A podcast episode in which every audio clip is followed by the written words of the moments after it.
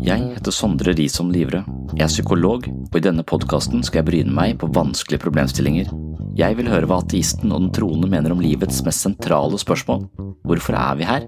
Hva er meningen med livet, og hva skjer når vi dør? Hvordan har alt blitt til, og når skjedde det? Hva er ondskap? Har vi fri vilje? Hvor går grensen mellom normal og gal, sannhet og vrangforestilling? Dette er store spørsmål til frokost.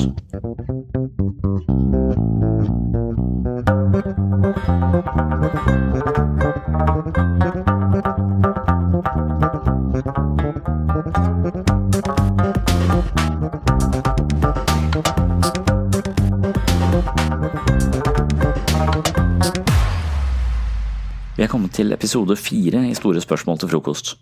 Denne gangen er det behov for religion som står på plakaten. Trenger vi egentlig religion? Jeg synes det er feil av deg å angripe folks tro på denne måten. Religion er opium for folket. Mange mennesker trenger religion, og det må du tenke på før du forsøker å slå beina under dem. Dessuten hadde vi ikke hatt denne interessante diskusjonen hvis ikke jeg trodde på Gud. Det er en av våre lange diskusjoner om tro og tvil som strekker seg inn i de sene nattetimer. Han fikk siste ordet, men diskusjonen følger meg inn i helgen. Min gode venn er hobbyreligiøs og tar på seg forsvaret for religion i våre samtaler. Han har mange gode poeng, og kveldens diskusjon dreier seg om behovet for religion. Jeg argumenterer for at vi hadde klart oss bedre uten, men hans siste setning får meg til å tenke. Det er til og med denne setningen som er utgangspunktet for hele dette prosjektet. Jeg kunne aldri ha laget en podkast om tro og tvil dersom ingen trodde på Gud. Med andre ord er de troende viktige for ateisme. Å være ateist betinger selvfølgelig at det finnes en teist. Teisme er en metafysisk filosofi om at Gud eksisterer uavhengig og utenfor vår verden, men samtidig kan han operere og influere på livet her på jorda. Ateisme defineres i kontrast til dette, og det er denne posisjonen jeg forsvarer og hevder at Gud ikke eksisterer. Ateismen er derfor avhengig av de troende, altså noen som opprettholder det motsatte synspunktet, for å ha noen eksistensberettigelse i det hele tatt. Religion har satt meg på sporet av mange eksistensielle spørsmål, noe jeg har hatt god nytte av å utforske videre på egen hånd. Sånn sett kan jeg kanskje hevde at jeg har trengt religion som en sparringspartner i min egen åndelige utvikling, men det synes å være et tynt argument for at vi er best tjent med å ha religion som et slags avgjørende livsgrunnlag her på jorda. Også i denne episoden skal jeg følge den samme malen. Jeg skal lire av meg noen påstander og begrunnelser fra ateistisk perspektiv, Omtrent midtvei skal jeg forlate ateistens perspektiver og la de troende hevde sine argumenter og motargumenter. Nok en gang, velkommen til episode fire av Store spørsmål til frokost. Teisme dør aldri. Troen på en guddommelig instans har overlevd noen kraftige støt for baugen. La oss se på noen få eksempler. Likevel beveger den seg, denne setningen skal Galileo angivelig ha mumla idet han tvinges til å dementere sin teori om jordens bevegelse rundt solen. Jeg har ikke behov for denne hypotesen. Dette er Laplace svar til Napoleon på spørsmålet om hvorfor Gud ikke er nevnt i hans teori om planetenes bevegelse. Gud er død, Gud forblir død, og vi har drept ham. Det er Nietzsche. Dette er den vakreste og mest tilfredsstillende forklaringen på skapelsen jeg noensinne har hørt sier Albert Einstein etter at han fikk en detaljert forklaring på Big Bang-teorien. Slagene mot religion fortsetter å strømme på med neodarwinisme, genetikk og nye fremskritt innenfor nevrovitenskap. Men troen på Gud består likevel i det menneskelige sinnelag. Opplysningstidens løfter og den nye sekularismen, nedfelt i sitatet av Nietzsche, har ikke blitt en realitet. Kanskje Dean har med rett når han hevder at mennesket er utstyrt med et gen for Gud, eller et sett av gener som predisponerer oss for troen på det overnaturlige. Selv om mange argumentene i med tradisjonell troslære har bleknet i moderne tid, bor det fremdeles ideer om Gud og spiritualitet i mange mennesker. Kanskje er det evolusjonsbiologen Richard Dawkins som har den beste forklaringen på dette fenomenet i sin teori om såkalte gudsmemer. Dawkins foreslår at memer er en slags eh, psykologisk parallell til gener. Memer er eh, informasjonsenheter som blir spredt mellom mennesker i form av ideer og forestillinger. I denne sammenhengen har Dawkins også snakket om religion som et virus på menneskets sinnelag. Han ser for seg at religion er eh, forankret i et sett av ideer og konsepter, eller det han kaller memer, som er selvopprettholdende og smittsomme. Mange religiøse mennesker vil gjerne spre sitt budskap videre. Samtidig inneholder religiøse systemer effektive beskyttelsesmekanismer som holder motstridende ideer på avstand. Du skal ikke ha andre guder enn meg, forstått som du skal ikke sysle med ideer som motstrider budskapet i troslæren. Ifølge Dawkins er dette store omkostninger for menneskets åndelige utfoldelse. Bærere av et religiøst mem er på sett og vis spirituelt programforplikta til et mer eller mindre rigid og lukka system, noe som kan medføre at de oppfører seg irrasjonelt, fordeler sine ressurser uhensiktsmessig eller rammes av skyldfølelse og frykt uten at disse negative følelsene reelt sett er berettiget. På grunn av de finurlige mekanismene i mange religiøse tenkesett vil ikke teisme forsvinne, selv om ny kunnskap og nye ideer regelrett motbeviser enkelte elementer i den tradisjonelle troslæren. Ateisten synes at dette er problematisk. Analogien til kopper Kopper er en farlig virussykdom med dødelighet på mellom 20 og 60 prosent. Denne sykdommen har tatt livet av mange millioner mennesker, men i 1980 har vi klart å utrydde sykdommen, ifølge Verdens helseorganisasjon. Men i tråd med dette vil noen hevde at vi har gjort oss selv mer mottakelige for infeksjoner. På sett og vis sitter vi igjen med et slags naivt immunforsvar. Uten eksponering blir vi simpelthen mest sårbare for viruset. Dersom vi skal lage en parallell mellom dette og religion, kan det tenkes at vi får et lignende utfall.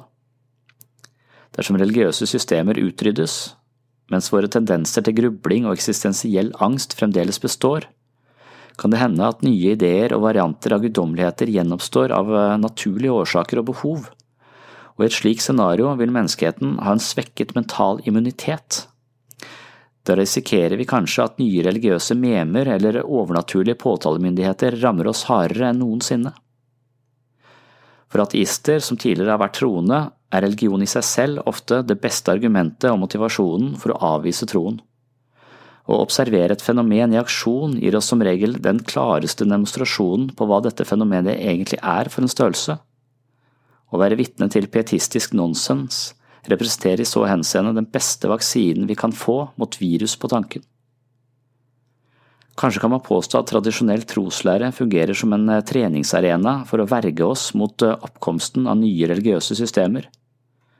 Når vi allerede kjenner til de store religiøse visdomstradisjonene, blir det på sett og vis lettere å gjenkjenne nye systemer som eh, mormonisme og andre Jesusbaserte religioner som muteringer når det dukker opp helt nye religioner eller sekteriske bevegelser, har vi allerede god trening i å oppdage tankefellene eller de memene som ligger innbakt i smittsomme trossystemer.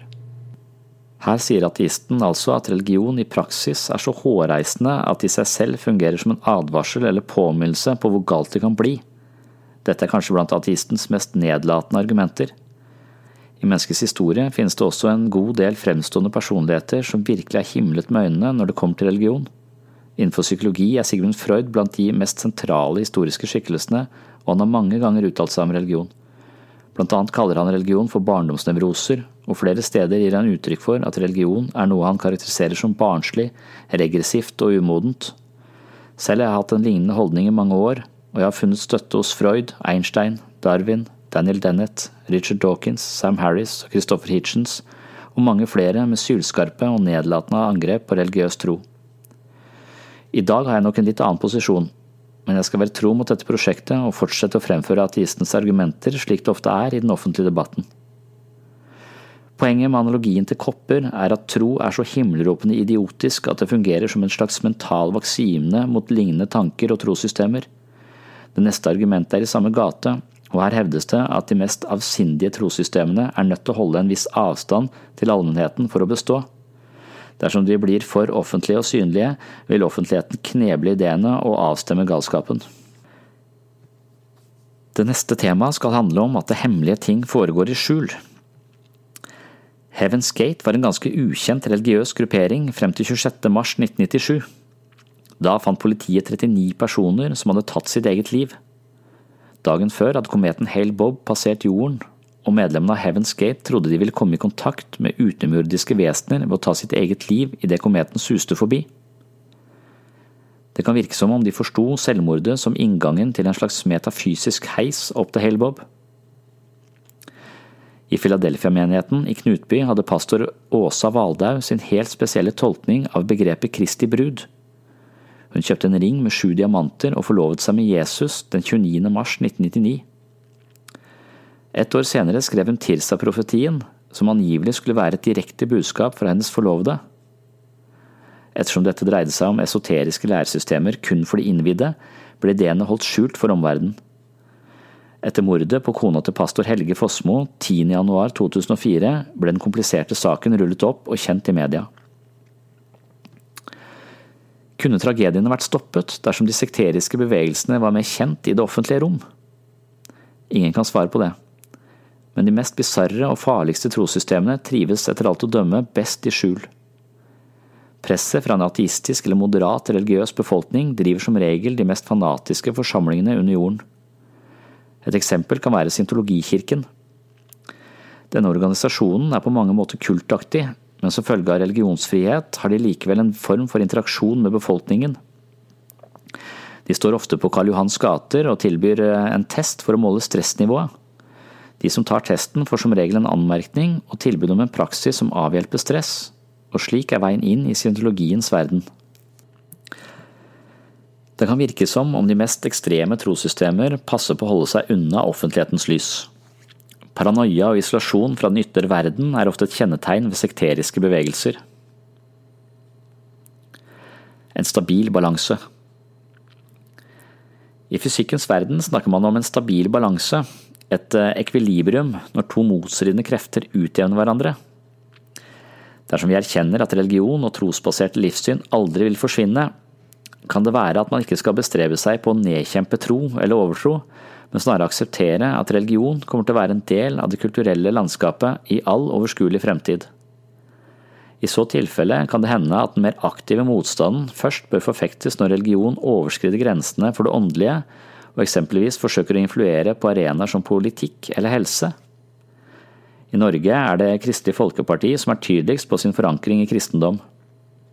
De proklamerer toleranse, aksept og mangfold blant mennesker, men åndelig sett er de ikke verdinøytrale, og det synes å skape enkelte stridigheter i forhold til deres politiske arbeid. I helsevesenet er det kanskje møtet med Jehovas vitner som skaper de største etiske utfordringene når liv står på spill. Jehovas vitner ser på livet som en gave fra Gud, representert ved blodet. Av bibelske fortolkninger har de kommet eh, til den konklusjon at blodoverføring ikke kan aksepteres. Her er det imidlertid en del kontroverser, og deler av Jehovas vitner tillater i dag blodoverføring. Problemet oppstår uansett når irrasjonelle og trosbaserte holdninger eller motiver får innflytelse på områder som ligger utenfor det åndelige landskapet, og i slike tilfeller er det kanskje på sin plass å heve sin røst som ateist. På et mer personlig plan er det kanskje liten grunn til å holde sine ateistiske synspunkter for seg selv. Mange ateister vil hevde at religion har vært fredet for kritikk i altfor lang tid.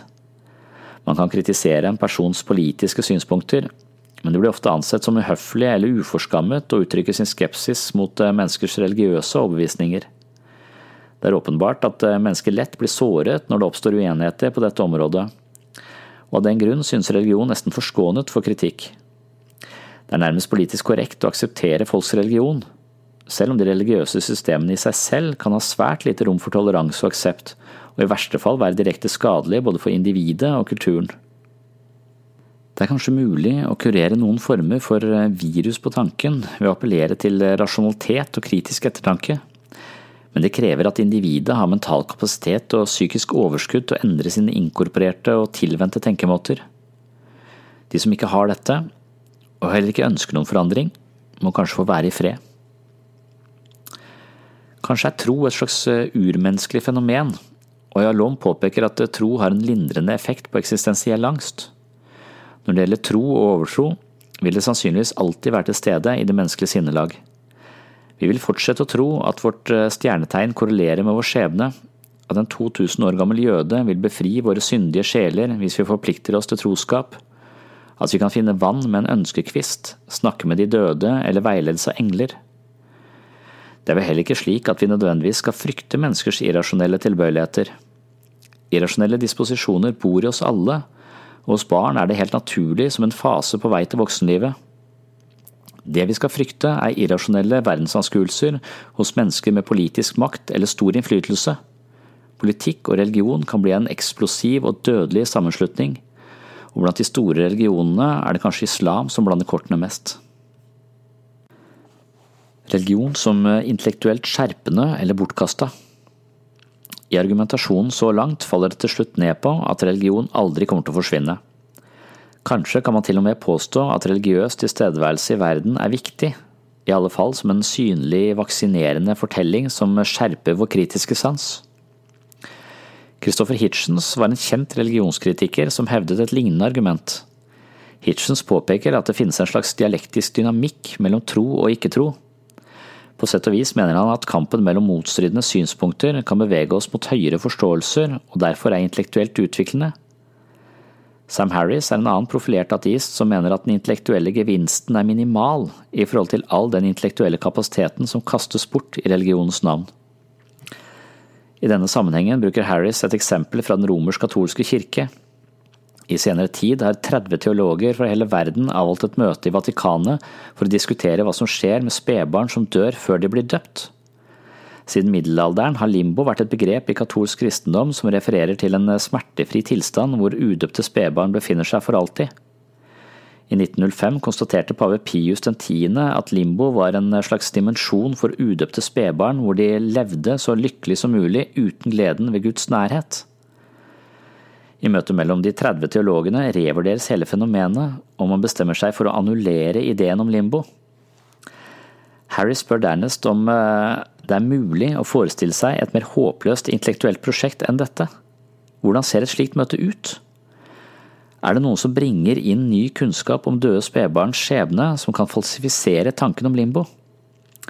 Artisten er forskrekket over at velutdannede mennesker tar slike diskusjoner på alvor. Harris legger til at eh, Den katolske kirke har et stygt rulleblad i forhold til barnemishandling og seksuelle overgrep, og da er det fristende å si at vi står overfor et nærmest diabolsk tilfelle av misbrukt intellektuell kapasitet og menneskelig energi.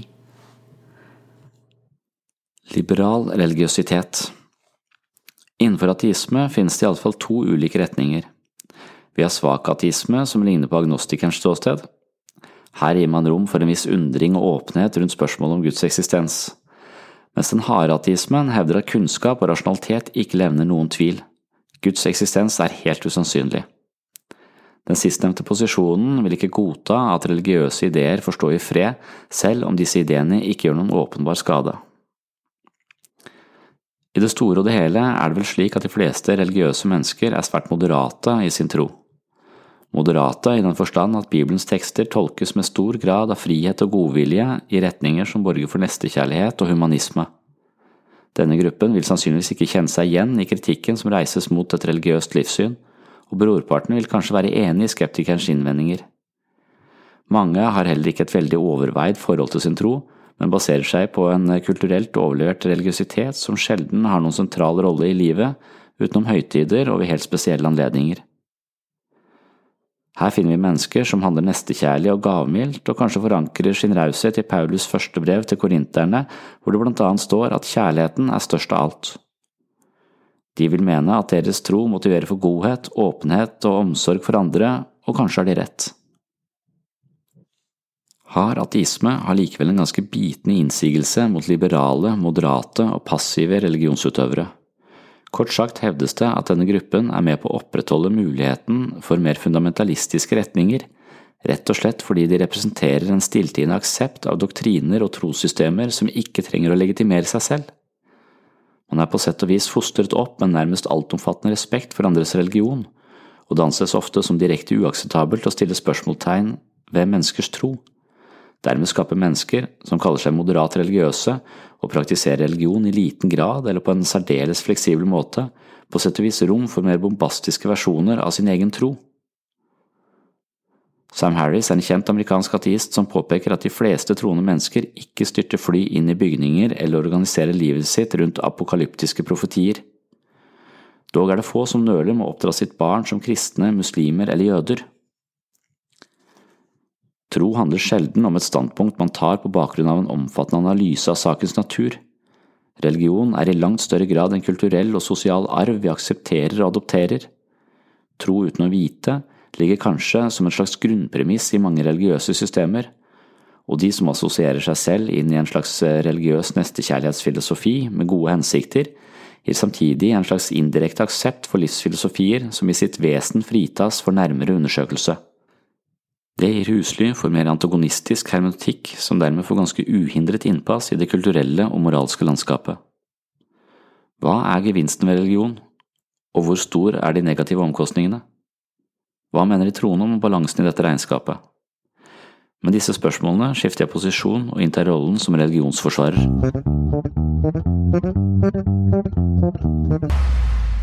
Myter dør, men sannheten består. Min hobbyreligiøse venn synes at jeg er urettferdig i mine angrep på religion.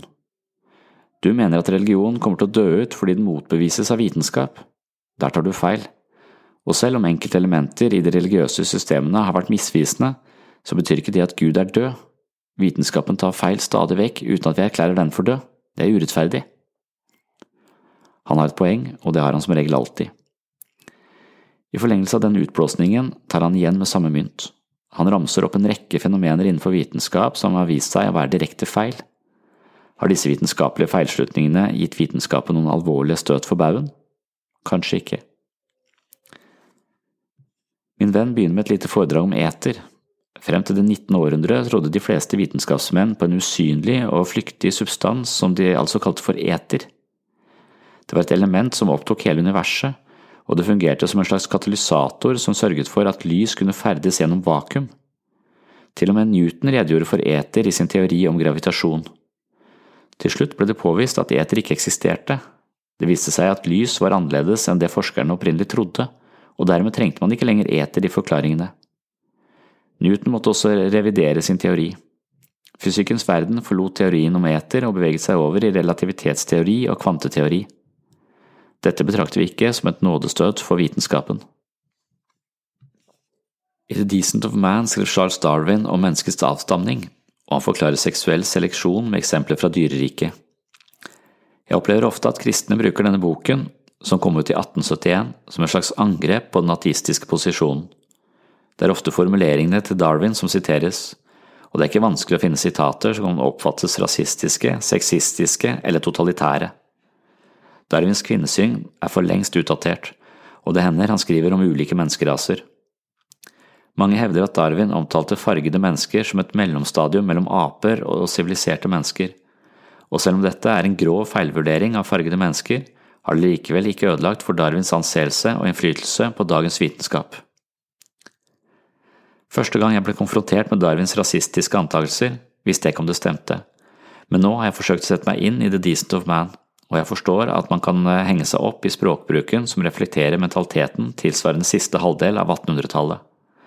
Men dersom man tar konteksten med i beregningen og leser det Darwin faktisk skriver, argumenterte han sterkt for at alle menneskeraser utgjorde én art, noe som er en selvfølge i dag, men var svært kontroversielt den gang. Boken til Darwin utfordrer det rådende vitenskapelige synet, som også ble brukt for å opprettholde slaveri i Amerika, om at mennesket var ulike arter.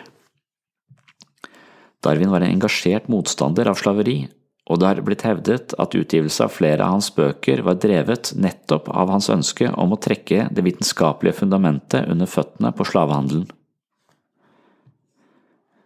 Poenget til de troende er at Charles Darwin er blant de mest siterte personene innenfor den såkalte nyateismen. Selv om han til stadighet formulerer seg på svært uheldige måter og gir til kjenne et menneskesyn som ikke korresponderer så bra med dagens standard, har Darwin likevel ikke ødelagt vitenskapens anseelse, snarere tvert imot. Videre kan man poengtere at vitenskapen aksepterte det geosentriske solsystemet hundrevis av år frem til Copernicus kom på banen. Da det ble bevist at jorda beveger seg i bane rundt sola og ikke omvendt, ble kirken kanskje litt opprørt, men det syntes ikke å rokke det vitenskapelige samfunnet en tøddel. Vitenskapen setter sin ære i fremgang og utvikling, feil er forventa. Man tenker ikke at vitenskapen har spilt fallitt når en ny teori kommer på bane og avviser tidligere antagelser. Min venn mener det er urettferdig at teologi ikke kan få samme behandling. Kirken raste mot heliosentrisme, og den raste mot visse implikasjoner av Big Bang-teorien men ikke teorien i seg selv, og kirken fortsetter å yte en viss motstand mot evolusjon. Men likevel består både kirken og troen på Gud. Hvorfor? Er det fordi at mennesker har en medfødt tilbøyelighet til å tro på Gud, eller at mennesker vil gå til grunne på eksistensiell angst dersom Gud ble tatt ut av ligningen? Er det fordi at religion er opium for folket, og de vil beholde det selv om det samlede bevisbyrden antyder at Gud ikke eksisterer?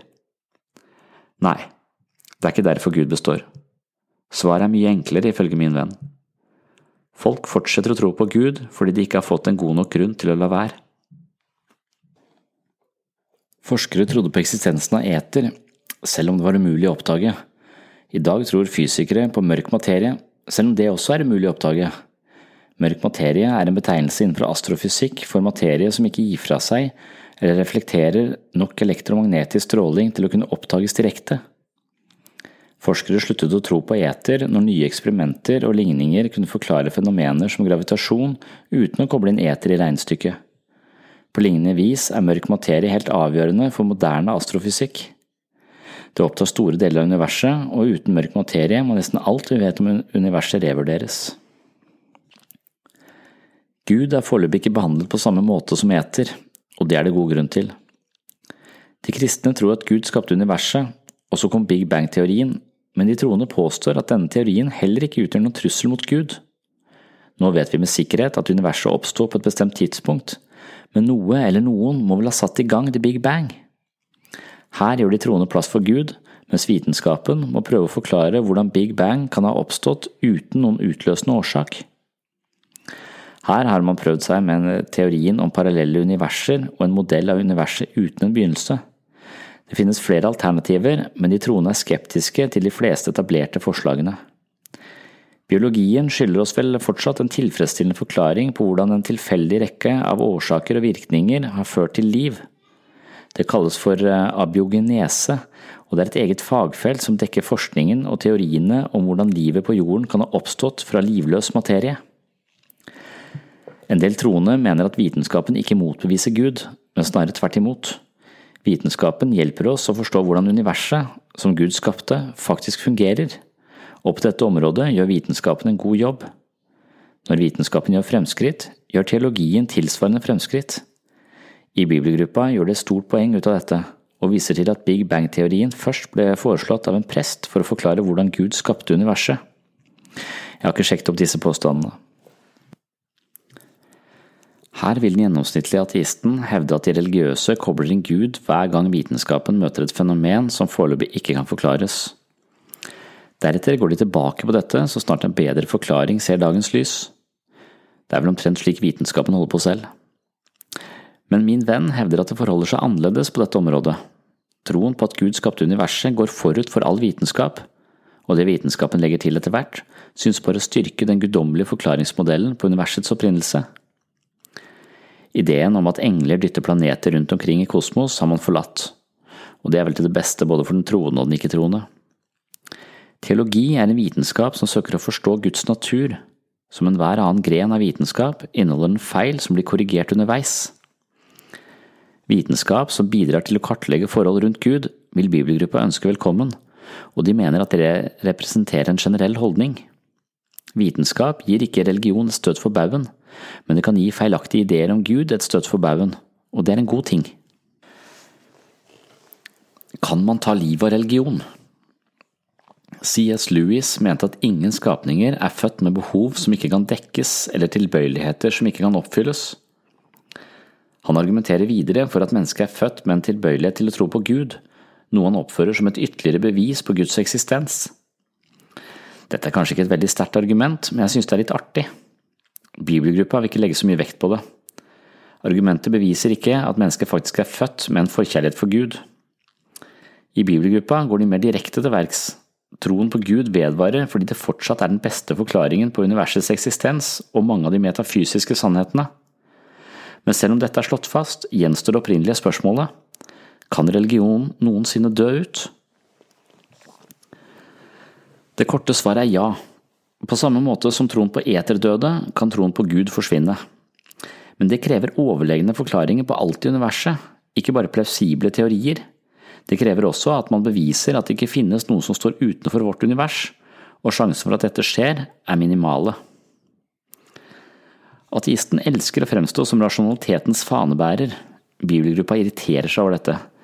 De sier at ateistens målsetninger er å bryte ned andres rasjonelle konklusjoner, men de kommer aldri på noen bedre forklaringer selv.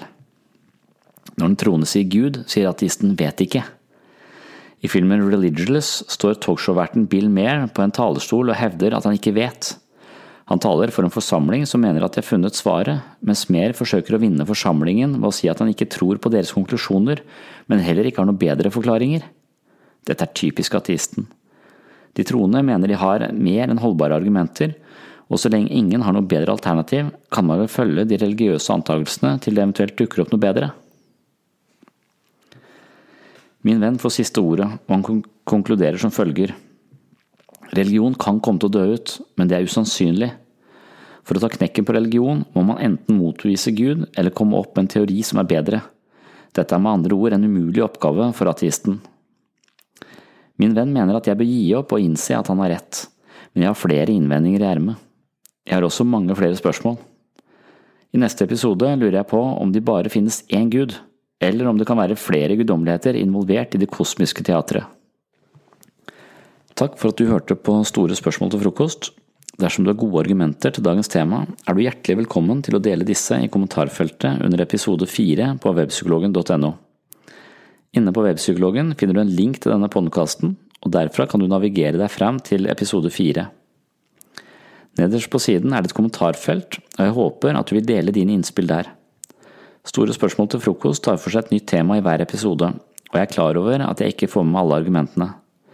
Det er her jeg vil fri til deg som lytter, og håpe at de med sterke meninger vil dele disse med oss i kommentarfeltet. Jeg kan selv være litt bastant med ateisthatten på, men jeg oppfordrer alle debattanter til å legge seg på en saklig og vennlig tone. Med dette setter vi punktum for i dag. Jeg heter Sondre Risholm Livre, og jeg håper at du følger med i neste episode hvor ateisten lurer på om det finnes én eller flere guder. På gjenhør.